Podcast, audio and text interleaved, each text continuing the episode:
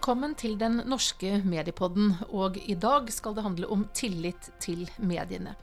For i hvilken grad stoler befolkningen på norske medier? Det har vi i Medietilsynet kartlagt i en ny undersøkelse. Og vi skal også i dag møte redaktører som snakker om hvordan de jobber med å bygge tillit til sine medier.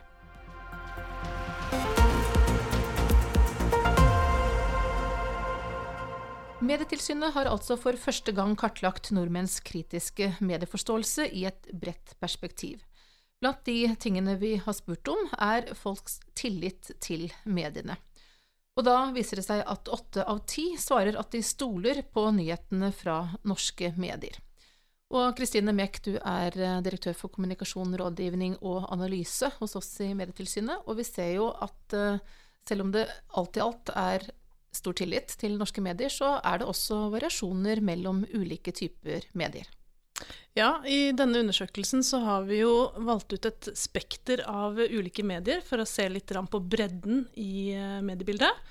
Uh, og vi ser at i vår undersøkelse så er det NRK1, altså nyhetene uh, Tilliten folk har til nyhetene fra NRK1 som scorer høyest. De er på hele 82% i vår måling fra mars. Uh, de etterfølges av din lokal regionalavis, TV 2 og Aftenposten. Så det er de mediene vi har høyest tillit til. Og så får vi ta med bunnlista også. Ja, nederst eh, på lista så ligger eh, dokument.no, eh, Facebook, Klassekampen, P4.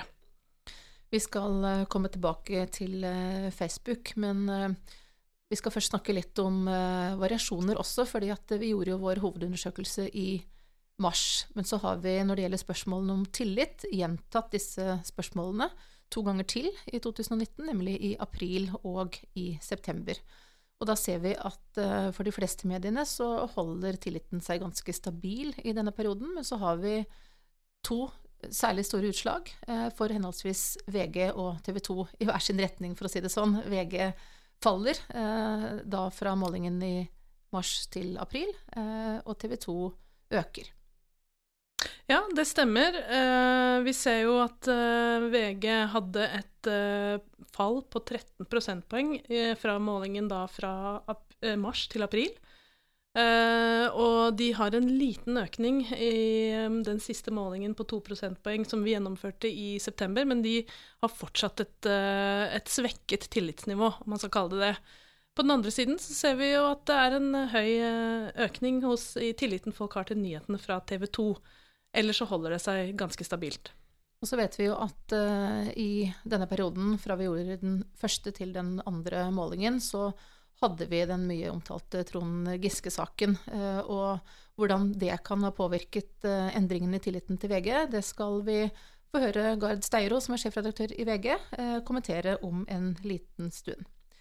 Men litt om Facebook, for vi har jo også spurt om folks tillit til Facebook, og da Eh, ikke eh, på generelt grunnlag, men når det gjelder nyheter som er publisert fra eller på Facebook.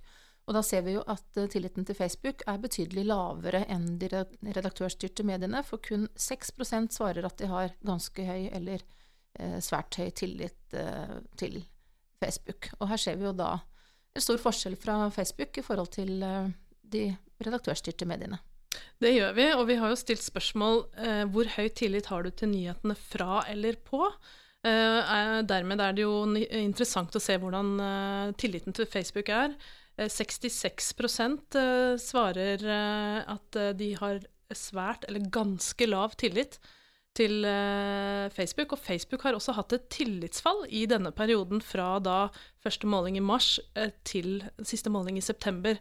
Så det er en, uh, en, negativ utvikling også for Facebook som medium.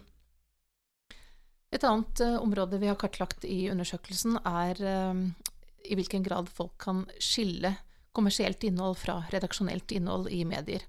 Eh, og her har vi rett og slett bedt respondentene om å se på noen eh, konkrete saker som eh, er publisert på forsiden til vg.no, og, og, identifisere eh, hvilke saker de mener er kommersielle, altså betalt innhold. Eh, og hvordan slår det ut? Altså, dette er jo en ganske spennende oppgave, rett og slett, hvor vi har tatt for forsiden og bedt folk identifisere hva som er redaksjonelt eller uh, kommersielt. Eh, heldigvis, kan man si, så klarer de fleste det. Åtte av ti uh, klarer å identifisere de to sakene som er annonse eller såkalt kommersielt innhold på VGs forside. Men vi ser jo at halvparten har også klikket på en tredje sak, altså en redaksjonell sak, som de da mistenker for å være kommersiell. Så her er det en, eh, en, eh, forvirring blant noen av respondentene i forhold til hvilke typer saker som faktisk er kommersielle. Her ser vi jo at uh, de sakene som flest tar feil av, altså redaksjonelle saker de tror er kommersielle, er en sak om en restaurantanmeldelse. Det er en reisesak. Og det er en artikkel om årets Paradise Hotel-deltakere. Så disse sakene de uh, tror uh, flere er da reklame, rett og slett. Og så ser vi jo her noen aldersforskjeller når det gjelder da evne til å identifisere kommersielt innhold. Ja, her ser vi til dels store aldersforskjeller. Det er jo da 42% av de som er over 60 som eh, ikke klarte å identifisere begge de kommersielle sakene på VGs eh, forside, mens 10 eh, eh, ikke klarte det blant de som er under 30. Så vi ser jo at de yngre er mer vant med denne formen for reklame, eh, og klarer å identifisere det, enn eh, hos de eldre. Dette er jo første gang Medietilsynet har gjort en slik eh, stor undersøkelse om nordmenns kritiske medieforståelse. Eh, og vi tenker jo at eh, det er viktig at vi kan bidra med innsikt om denne type temaer, og også eh, skape debatt. Eh, og vi kan vel si Kristin, at det ikke er uh, siste gang vi kommer til å gjøre en slik undersøkelse? Nei, dette blir som et nullpunkt å, å regne. Og det blir utrolig spennende å se om eh, hvordan den kritiske medieforståelsen egentlig utvikler seg. Vi mener at dette er et område som vi bør sette eh, trykk på, for å si det sånn. Det er et viktig område. og det blir også spennende å se hvordan tilliten til mediene utvikler seg. Medietilsynet inviterte nylig til frokostmøte om akkurat disse temaene. Og da spurte jeg først medieforsker Halvard Mo hvordan han tolker det at eh, åtte av ti mener at norske medier i all hovedsak er til å stole på. Ja, Da er jo liksom jeg den trauste medieforskeren som skal komme her i høstmorgenen og berolige litt. Ehm, jeg tolker det eh, positivt. Altså, det er jo et godt utgangspunkt sant, for norske medier når de skal gjennomføre sitt samfunnsoppdrag. Eh, og det er jo ikke så veldig overraskende. Eh, dette vet vi liksom fra andre undersøkelser at nordmenn har generelt relativt høy tillit til, til mediene de bruker. Eh, og de funnene du viste fram nå om eh, hvilke konkrete medier som skårer høyest, er liksom i tråd med det vi eh, ja, vet fra før. Er, og fra andre land. Det er I de landene som har sterke kringkastingsinstitusjoner og en god mediepolitikk med armlengdes avstand, så er det kringkastere og de etablerte nyhetsleverandørene, avishusene, som liksom skårer høyest. Ja, for Det er jo flere eh, typer undersøkelser som også omhandler eh, dette med tillit. Bl.a. Mm. Eh, den store Reuters-undersøkelsen som gjøres i flere land, og der du har hatt ansvaret for den norske delen. Eh, så de funnene vi har her, sånn som du ser det, bygger opp under eh, funn man har fra andre typer undersøkelser om dette med tillit. Ja, absolutt. Og det er liksom ikke, sånn Grovt sett så er det ikke store endringer fra år til år. og Det er de samme aktørene som scorer høyt, og det er de samme som scorer veldig lavt. Sant? Så det du viste med Forskjellen mellom de eh, redaksjonsstyrte norske eh, avishusene og Facebook og dokument.no, altså et sånt såkalt alternativt medium, er veldig stor. veldig stor forskjell, og Det finner vi òg i andre undersøkelser. Um, og Norge skiller seg sånn sett heller ikke betydelig fra det du vet om utviklingen i, i, andre land? Nei, det er riktig. Når vi sammenligner Norge med andre land, så ligger vi sånn relativt midt på treet. Eh, og ganske likt liksom, de landene vi kan eh, naturlig sammenligne oss, eh, oss, med.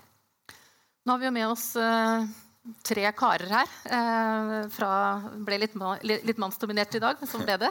Eh, fra ulike typer medier. Og en, en, liten runde til hver og en av dere. De tallene som dere har sett nå, eh, hvis vi tar det overordnede litt først. Åtte av ti eh, med tillit til norske medier. Hva sier det om tenker dere norsk mediebransje og, og forholdet mellom uh, publikum og dere som medier? Uh, per Arne, vi begynner med deg, og så tar vi runden. Nei, det Jeg kan egentlig bare slutte meg til det Halvor Moe sier. Altså, det forteller jo at det er generelt en høy tillit i Norge til, til mediene som kritisk samfunnsinstitusjon. og det fører seg jo også inn i et litt større bilde at i Norge så er det generelt uh, høy grad av tillit til samfunnets institusjoner. Og det er jo et, uh, et sunnhetstegn. Men så er det jo også sånn at det er en tillit vi må jobbe for å fortsette å gjøre oss fortjent til. Ja, I utgangspunktet mener jeg undersøkelsen er positiv. Altså Åtte av ti, om det er veldig høyt eller lavt, om det kunne vært høyere, vet, eh, vet jeg jo ikke. Men i utgangspunktet er jo dette positivt og et godt utgangspunkt. Selv om det er mange trender som påvirker bransjen generelt, så jeg tror vi skal følge nøye med. Og For VG konkret så har det vært et uh, helt spesielt år, der vi liksom ser veldig på tilliten til oss. Men det regner jeg med vi kommer tilbake til. Erik? Ja. Det skal vi. Ja. Jeg syns jo at eh, det viser at det er stor tillit til redaktørstyrte medier generelt i landet. Men jeg tror også at hadde du gått tilbake i tid, så hadde du fått omtrent de samme svar. Om du hadde gått 10 eller 20 år tilbake i tid, så hadde du fått ganske mange like svar. Eh, jeg tror ikke det er noe lavere tillit i dag enn det var tidligere, selv om man kanskje kan få det inntrykket når man uh, hører på noe av den debatten som går. Så tror jeg også du vil ha sett at enkeltsaker slår stort ut. Det er jo nesten sannsynligvis svaret på VG og TV 2 her. Det er jo én enkeltsak.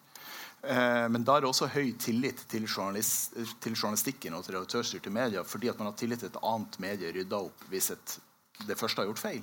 Eh, og så tror jeg også disse tallene viser størrelsen på disse mediene. For at det blir, når du har stort gjennomslag og mange leser, så vil du også få stor grad av tillit. Men hvis du bare har 5% av befolkninga som dine lesere, så kan det hende at det bare er de 5% som stoler på det. Er det Halvar, en riktig tolkning? Vi ser jo at en avis som Klassekampen f.eks. Eh, ligger ganske langt, eh, lavt nede. Og så har jo de et betydelig mindre publikum enn f.eks. NRK, som er i den andre enden av skalaen. Eh, hva tenker du om det? Ja, Det kan nok delvis ha med, med, med, det å gjøre, men det har jo noe med karakteren til mediet òg. Altså, NRK er jo finansiert av oss alle for å være det bredeste og mest omfattende mediehuset vi har. Eh, mens Klassekampen, eh, som tittelen på avisen tilsier, har jo en litt annen historie og et litt annet oppdrag og innretning. Eh, og I andre undersøkelser der man ser nærmere på hvordan politisk preferanser slår ut når det gjelder tillit til enkeltmedier, så er det veldig tydelig selvfølgelig at de som plasserer seg politisk på høyresiden, i lavere grad uttrykker tillit til Klassekampen. Da, naturlig nok. Så det, Den posisjonen spiller jo inn for akkurat det mediet, da, særlig. Det, det, vi må huske på når det gjelder tillitsspørsmål, det er viktig og det er sentralt for den rollen eh, eh, nyheter og journalistikken har i Norge. Men det er jo absolutt ikke noen direkte sammenheng mellom tillitsnivå og f.eks. inntektsstrømmer eller lesertall eller brukertall. nødvendigvis. Og eh, Ulike nyhetsmedier brukes jo ulikt og kan ha ulike funksjoner og ha verdi på ulike måter for ulike folk. Så man kan godt ha relativt lav tillit til noe, men allikevel ha, føle at man har nytte av det i hverdagen eller få noe ut av det. Og dette kan jo flere på panelet her òg sikkert bekrefte. Gard, eh, vi må vel inn på det som kanskje mange venter på. Eh, snakke litt om, eh, om VG. og dere hadde jo et markant fall i målingen her fra mars til april. mens den berømmelige Giske-saken pågikk. Og så har det bedret seg litt igjen da til september, men ikke tilbake på det nivået som dere var i den første målingen. Tror du at det er denne saken som påvirker den utviklingen som vi ser for VG spesifikt uh, i undersøkelsen? Ja, altså jeg tror i fall at Den påvirker den uh, endringen fra mars til april. og det viste jo våre, altså Vi følger jo dette måned for måned sjøl og ser jo så at vi hadde et dropp i eh, mars. Og så viser våre egne målinger så det samme som denne målingen, samme tendens, at det går gradvis oppover. Og der er det jo, som Per Arne har sagt, per Arne har sagt tidligere, at, at tillit det brytes raskt ned, og det må du bruke tid på å bygge opp igjen. Sånn at Denne undersøkelsen for oss bekrefter på en måte akkurat det vi har sett i diverse andre undersøkelser og det vi ser i våre egne tall. At vi fikk en dropp i mars-april. og Det, skulle, det ville overrasket meg hvis vi ikke fikk det. Og så bygger vi den gradvis opp igjen. Ja, hva så, gjør dere? Ja, jeg skal si en ting først. Og ja. Så kan jeg bekrefte det at tillit og bruk henger ikke alltid sammen. For bruken har jo i år har jo økt vesentlig mer enn uh, Altså, vi har jo, altså Bruken går jo opp, har jo gått opp gjennom hele året. Den har jo ikke sett et eneste dropp i året. Og antall abonnenter øker, så det henger ikke alltid sammen med bruken. Nei, altså vårt arbeid, altså det, hvis jeg skal ta tilbake, vårt arbeid med eh, altså, Vi var i gang med et etikkarbeid da den saken smalt. Altså, da sto vi midt oppi en revurdering av etikkregler og at vi jobbet med en kildemanual. Det sto vi oppi da den saken kom. Og så, det, så, mener jo vi at denne saken, de feilene som skjedde i denne saken, er jo ikke representativt for VGs arbeid. Altså de, vi gjorde jo flere feil i den saken som, eh, som, vi fikk fortjent kritikk for, og som òg vi mener er fortjent at, at, brukerne reagerer på. Og Det vi har gjort etterpå, er jo å systematisere etikkarbeidet vårt i hele redaksjonen. Vi har tatt utgangspunkt i den saken, og så har vi involvert hele redaksjonen, utviklet et nytt etisk regelverk, sørget for at det er tydelig implementert, at det ikke er et dokument som blir liggende. Vi har laget nye kildemanualer, vi har, vært, vi har laget nye rettelogger og vært åpne om det. Men så sier vi òg at de dokumentene og de arbeidsverktøyene vi lager nå En ting er å lage det, vi er fornøyd med det arbeidet vi har gjort til nå, men det å ta det i bruk og sørge for at hele redaksjonen etterlever de reglene, og at vi hele tiden utvikler det og kvalitetssikrer arbeidet vårt, det er jo kontinuerlig drift. Så det er vi ikke ferdig med til uh, nå. Men vi har virkelig tatt et sånt uh, vi har virkelig tatt, tok virkelig et krafttak etter det. Og bruk, har brukt mye ressurser og mye tid på både å opparbeide regelverket og sørge for at redaksjonen etterlever det, forstår det, at vi har gode diskusjoner rundt de problemstillingene som var aktuelle i denne saken, men også andre problemstillinger som vi har blitt oppmerksomme på i kjølvannet av den saken. Hvordan øh, jobber dere for at leserne deres skal øh, vite hva dere gjør, sånn at dette er noe som de øh, også fanger opp og legger merke til? Altså, Vi vi skriver om det, vi offentliggjør det. Vi, kom, vi, har jo lagt oss på en linje der vi ønsker å være mer transparente. Det var jo En av de tingene vi så etter denne saken, var jo at vi, vi tror at å bygge tillit handler òg om å være åpne om de feilene man gjør. Og det å være helt åpne med de rettelsene vi gjør, og de presiseringene vi gjør, tror vi er lurt. Og så offentliggjør nå vi det etiske regelverket. Og grunnen til at vi, altså vi, legger det helt ut, og vi jobber med redaksjonell regnskap og en del av de verktøyene vi har for å være så transparente som mulig. Og er det én ting jeg er sikker på, så er det at VG kommer til å gjøre nye feil. Det tror jeg NRK kommer til å gjøre, og Dagsavisen og alle kommer til å gjøre.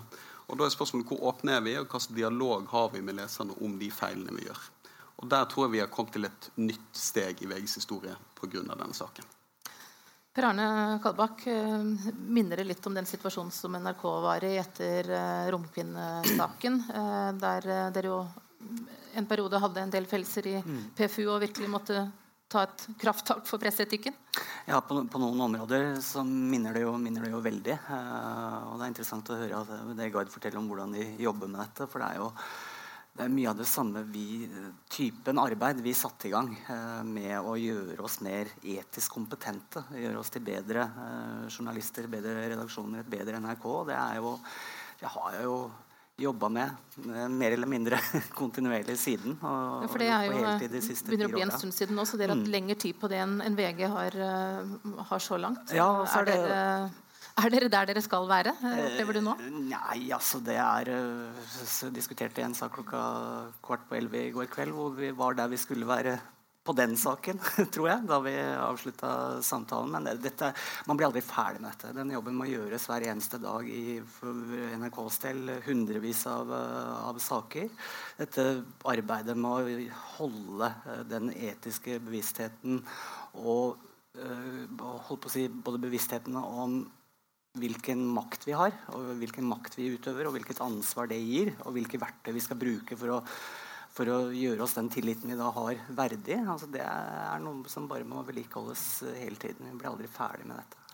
Men I hvilken grad tenker dere at enkeltsaker påvirker dette med tillit? Jeg tenker på oss, eh, Dere Per Arne, har vi jo mm. hatt et par saker bare nå den, eh, den siste tiden. Eh, mm. Dere måtte ut og beklage bildebruken i, i, Exit. Så har det vært en del klager rundt uh, Lindmos intervju med Haddy i forbindelse med hennes bok om Giske.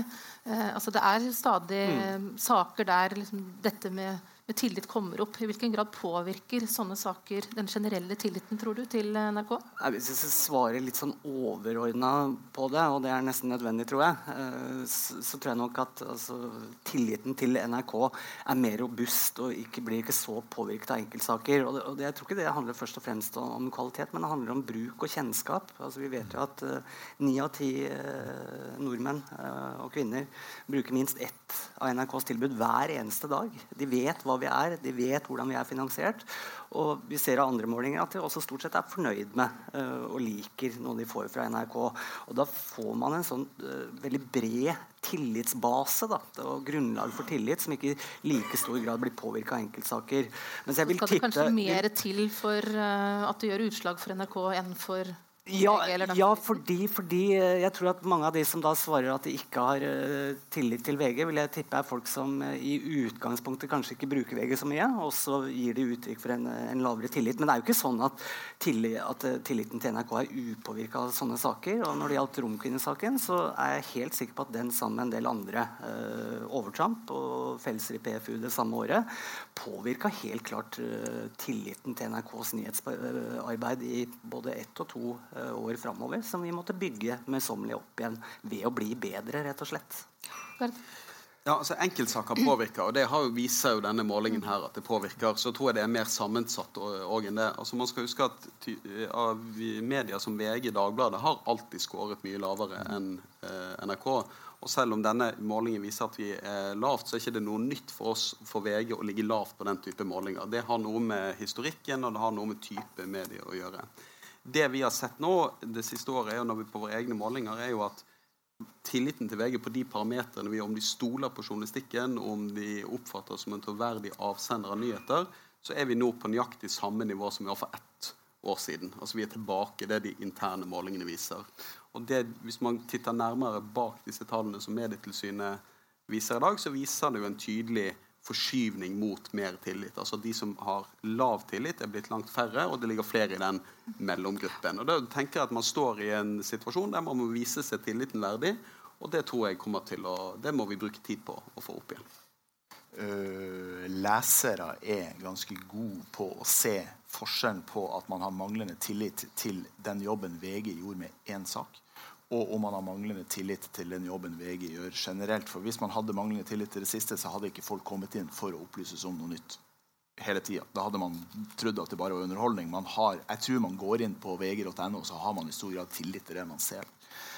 Eh, jeg skrev en eh, kommentar i egen avis med ti lærepunkter. Vi har ikke beklaga noe i denne Giske-saken, men vi har fått veldig mye støy mot oss fra begge fløyer, hvis du kan kalle det jeg så ingen grunn til å beklage noe, men jeg så en grunn til å fortelle hva vi kan lære av det. Bl.a. at eh, vi kunne hatt flere kilder, vi kunne eh, hatt mindre massivitet i måten vi bare fanga opp og, og, skrev videre etter at VG hadde sin første avsløring, f.eks. De ti punktene som jeg syntes var litt slapt vinkla, og det var bare en sånn oppskrift. Jeg skrev han til redaksjonen, og så trykte jeg han i egen avis. og Så kjørte vi han ut på nettet, og så hadde vi et møte der jeg gikk gjennom alle punktene for hele redaksjonen. Eh, den kommentaren hadde VG også vært fornøyd med lesetallet på. Eh, og jeg har aldri fått så mye konstruktive tilbakemeldinger på noe jeg har skrevet. Men tror dere at eh, folk flest er blitt mer opptatt av dette med tillit nå enn tidligere? fordi at ja, Før da vi bare hadde papiravisen, så var vi vant til at det som sto i avisen, var sant. Men nå har vi tilgang på mye informasjon fra mange kanaler, og det er større fokus også på at uh, ikke alt som publiseres, uh, er riktig. Har det skjerpet uh, leserne også? Gard? Ja, Det har åpenbart skjerpet leserne. Altså, vi har jo en helt annen form for dialog med brukerne i dag. Og, og vi blir jo, og, leserne kan, klarer jo i mye større grad å faktasjekke oss. Altså, vi får jo daglig tilbakemeldinger om upresisheter og feil i artiklene våre fra lesere der du virkelig følger med. Det tror jeg det er bare positivt. Det skjerper bare redaksjonene eh, våre. Eh, det, men det, når, når, det går, når tempoet er så høyt som det gjør i dag, så blir jo òg en del av eh, så er, jo, så er jo risikoen for å gjøre feil i en del saker større. Sant? Så det krever jo mye mer av oss. Men at leserne følger med på en helt annen måte enn de gjorde tidligere, har mulighet til å faktasjekke oss på en annen måte, det er jo åpenbart. Og jeg tror bare det er positivt. Halvard, eh, i hvilken grad tror du eh, at det at mediene nå eh, jobber mer bevisst, og kanskje også i større grad synliggjør sitt arbeid med etikk. Hvordan tror du det påvirker tilliten fra publikum? Jeg vil si at Alt det som er blitt sagt her om hvordan, hvordan de ulike mediehusene jobber, høres jo veldig konstruktivt og positivt ut. Og, og, men så, så, det tenker jeg er viktig og nødvendig. som det blir sagt her. Og så skal vi også huske på at Denne undersøkelsen har jo et sånt brukerperspektiv å undersøke befolkningens kritiske medieforståelse. Eh, og eh, Fra det perspektivet så er det jo kjempebra at VG fikk et dropp i, eh, i statistikken her i løpet av eh, våren. Ikke sant? Eh, for det viser jo da kanskje at folk engasjerer seg og, og tenker over dette her og, og involverer seg. Og nettopp et sånt stikkord som transparens tenker jeg er viktig da, eh, når man går videre. For å og kanskje prøve å understøtte folks kritiske medieforståelse i, i bruk av mediene. Og så skal vi også huske det at sant, Litt i forlengelsen av det vi snakker om eh, hva slår ut for NRK og enkeltsaker versus over tid. og sånn, Akkurat hva folk tenker på når de blir spurt i en spørreundersøkelse om de har tillit til nyheter eller mediene, er jo ikke så godt å vite. Eh, sånn at eh, det som kanskje kan være interessant å gjøre eh, videre, er å prøve å forfølge de som sier at de har lav tillit, og prøve å finne ut hvorfor. Altså Hva er det de er misfornøyd med, eller hva er det de etterlyser eller, eller trenger mer av. Og Her er det mat for uh, dere forskere. Ja, da, Grave dypere i dette. Ja, ja. Der, vet vi jo litt, og Noe av det som er viktig der, er jo nettopp dette med politisk preferanse. ikke sant? Eh, at det er noen skiller der som, som ligger, ligger latent. Vi må snakke litt om uh, Facebook, som altså kommer ut med svært lav tillit i vår undersøkelse. Og da har vi jo ikke spurt om Facebook generelt, men vi har spurt om nyheter på eller fra Facebook. Uh, og vi vet jo at uh, det kan være mange, mange, kilder, mange som publiserer på Facebook, inklusive de redaktørstyrte mediene. En liten runde med refleksjoner rundt Facebooks posisjon når det gjelder tillit fra dere redaktører? Ja, det er i hvert fall, Tallene der er et, i hvert fall et godt eksempel på at, eh, at tallene for bruk og graden av tillit ikke, ikke henger sammen. Ja, det, er, det, er, jo litt vanskelig Jeg tror man kan tolke mange forskjellige ting inn i de svarene. Men jeg øh, oppfatter det som at folk skjønner at Facebook ikke er en redaktørstyrt nyhetsleverandør. Der er det likt og ulikt. Der kan det være gjennomarbeida nyhetssaker fra mediehus, men også rent sludder og vås og falske nyheter. Og at eh, mange nok legger det i det. Du kan liksom ikke stole på at fordi det er på Facebook, så stemmer det. Godt. Ja, nei, jeg syns det er positivt at brukerne er kritiske til det de ser i de sosiale eh, mediene, og Facebook spesielt. fordi at her er det jo en strøm av uh, av både nyheter fra anerkjente medier, redaktørstyrte medier som er, eh, som er riktig, og så er det en strøm av alt mulig annet. Og det at, det at brukerne er kritiske til det de får opp i feeden sin på Facebook, oppfatter jeg som veldig positivt. Men jeg er òg usikker på hva dette resultatet egentlig viser. fordi jeg regner med at hvis folk det dukker opp en sak fra NRK i Facebook-feeden, så har folk tillit til den nyheten. Men at, for, at brukerne er kritiske til det de ser på de sosiale plattformene, det er jo veldig positivt. Synes jeg. Men Kan det også påvirke tilliten til uh, nyhetene fra dere uh, som redaktørstyrte medier, når dere bruker en plattform som har såpass lav tillit til å distribuere egne nyheter? Det er litt usikker på. Altså, hvis du ser VG sin posisjon jeg tror Det er litt spesielt med det norske markedet. er at eh, De, de største mediene i Norge har veldig mye direkte trafikk. Altså VG så får Bare 4% av bruken vår kommer fra Facebook. Det er en veldig lav andel fra den plattformen. Og Det skiller det norske markedet litt fra andre. der I andre land så er, så er de største mediene mye mer avhengige både av Google og Facebook enn det vi er. Eh, så jeg er litt usikker på om akkurat bruken vår på Facebook eh, påvirker det. Men vi har et veldig, altså vi har et ambivalent forhold til Facebook og er ganske restriktive med hva og hvordan vi deler stoffet vårt der. Å flytte bruken fra VG eller eh, hvis NRK hadde gjort som det over på Facebook, mener jeg er høy risiko å gjøre det. Ja, og er, Tallene er mye de samme for oss vil jeg tro for de eh, aller fleste norske medier. Kanskje med unntak for noen av disse nisjemediene, alternative mediene vi, vi snakka om. Jeg, det ser jo ikke ut som det påvirker, men det som er én fare ved å være på Facebook, er jo at det er ganske enkelt å å lage innhold som etterligner uh, og gir seg ut for å ha NRK som avsender. Og vi bruker ganske mye tid på å forfølge og få Facebook til å forfølge Eh, både kommersielle og andre aktører som legger ut eh, falsk NRK-innhold. og det vil jo, For det vil jo kunne påvirke tilliten over tid negativt. Halvard, har du noe ja, eh, på dette? dette? altså, eh, dette er jo veldig viktig og interessant. og igjen, Hvis vi tar brukernes perspektiv, så er det jo en ting som tyder på at folk som i stor grad baserer sin eh, politiske informasjon og nyheter på sosiale medier, er en gruppe vi bør passe litt på. da. Eh, ikke sant? Eh, og Annen forskning viser at de som gjør det, eh, altså de som får mye av sine nyheter gjennom sosiale medier, har, eh, er dårligere til å gjenkjenne leverandøren, altså brandet, ikke sant? Eh, som, som dere er inne på. Eh, at de òg, som mange av oss, ikke helt forstår hvordan utvelgelsen skjer. altså Hvorfor de blir eksponert for de nyhetene de får. Og i hvert fall i noe forskning så tyder det på at for noen så fører det til at de utvikler en sånn generell skepsis. Der alt, både liksom algoritmestyrte valg og redaksjonsstyrte valg, blir liksom litt sånn suspekt, eller noe man er ja, Man prøver liksom bare å generelt være eh, skeptisk til det som er der ute.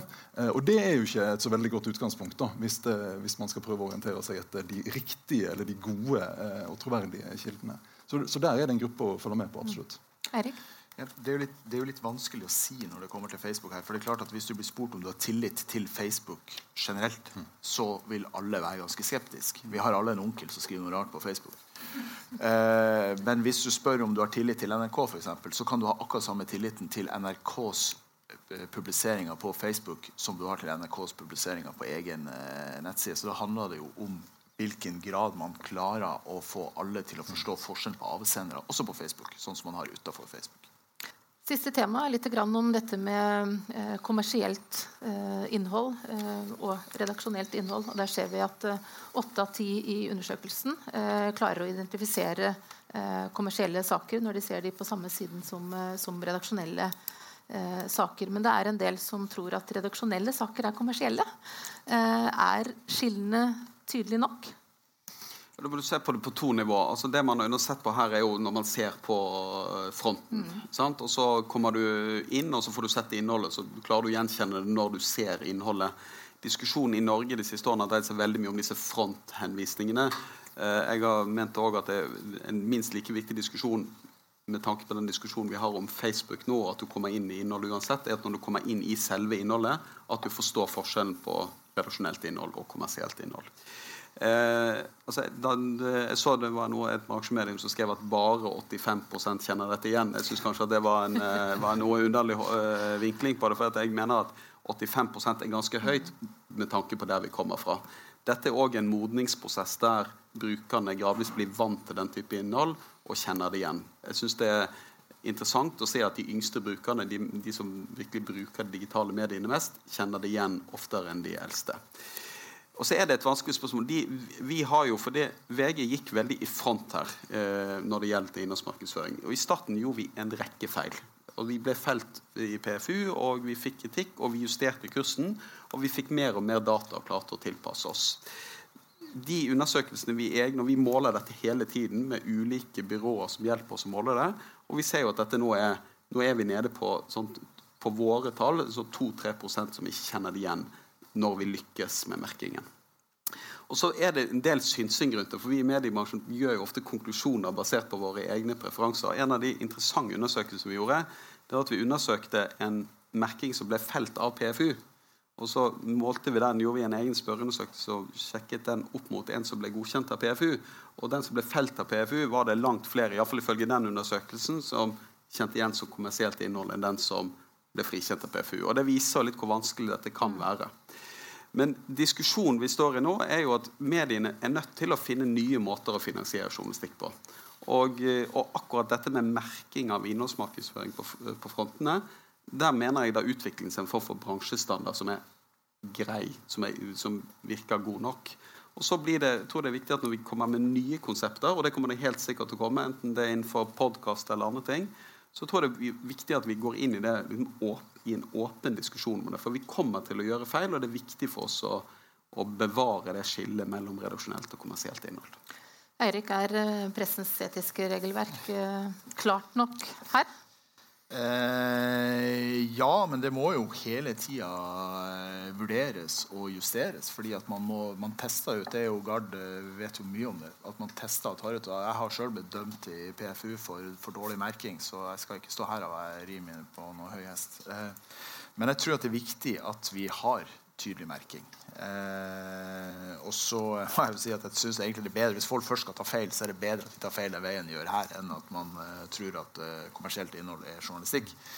Eh, og så er jeg ganske sikker på at det er ikke noe nytt dette her heller, selv om vi ser på det digitale. Jeg hadde en eh, farmor som klippet ut annonser og redaksjonell omtale i Norsk Ukeblad eh, jevnlig, og så ingen forskjell på det. Det var et innlegg i Norsk Ukeblad. Eh, så 85% hvis vi ser forskjellen, så er det egentlig ganske høyt. Tillit er jo en uh, valuta som uh, må forvaltes. Um, og til slutt en runde der jeg utfordrer dere alle. Hva er det viktigste mediene må gjøre for å ta vare på den tilliten de har? Det er å være å jobbe med å bli enda mer åpne, transparente, eh, tydelige om, valg, eh, om hvilke valg vi gjør. Jeg tror at vi i mye større grad må være eh, aktivt i dialog med folk om journalistikken vår. Og at det kommer til å bli en tydelig trend framover. Vi har også rutiner for å merke endringer, presiseringer i sakene. Men jeg, ikke, jeg ser at ikke alle kan rutinene like godt. Eh, så det, noe av det neste vi skal gjøre, er å se på om vi skal innføre noe lignende som, eh, som VG faktisk ennå. Men type at du har en rettelogg i malen som gjør det enklere for den enkelte journalist å oppdatere og merke tydelig. Så jeg tror, tror det handler, handler om, om tydelighet, åpenhet og transparens. Og så prøve å være gode journalister. Da.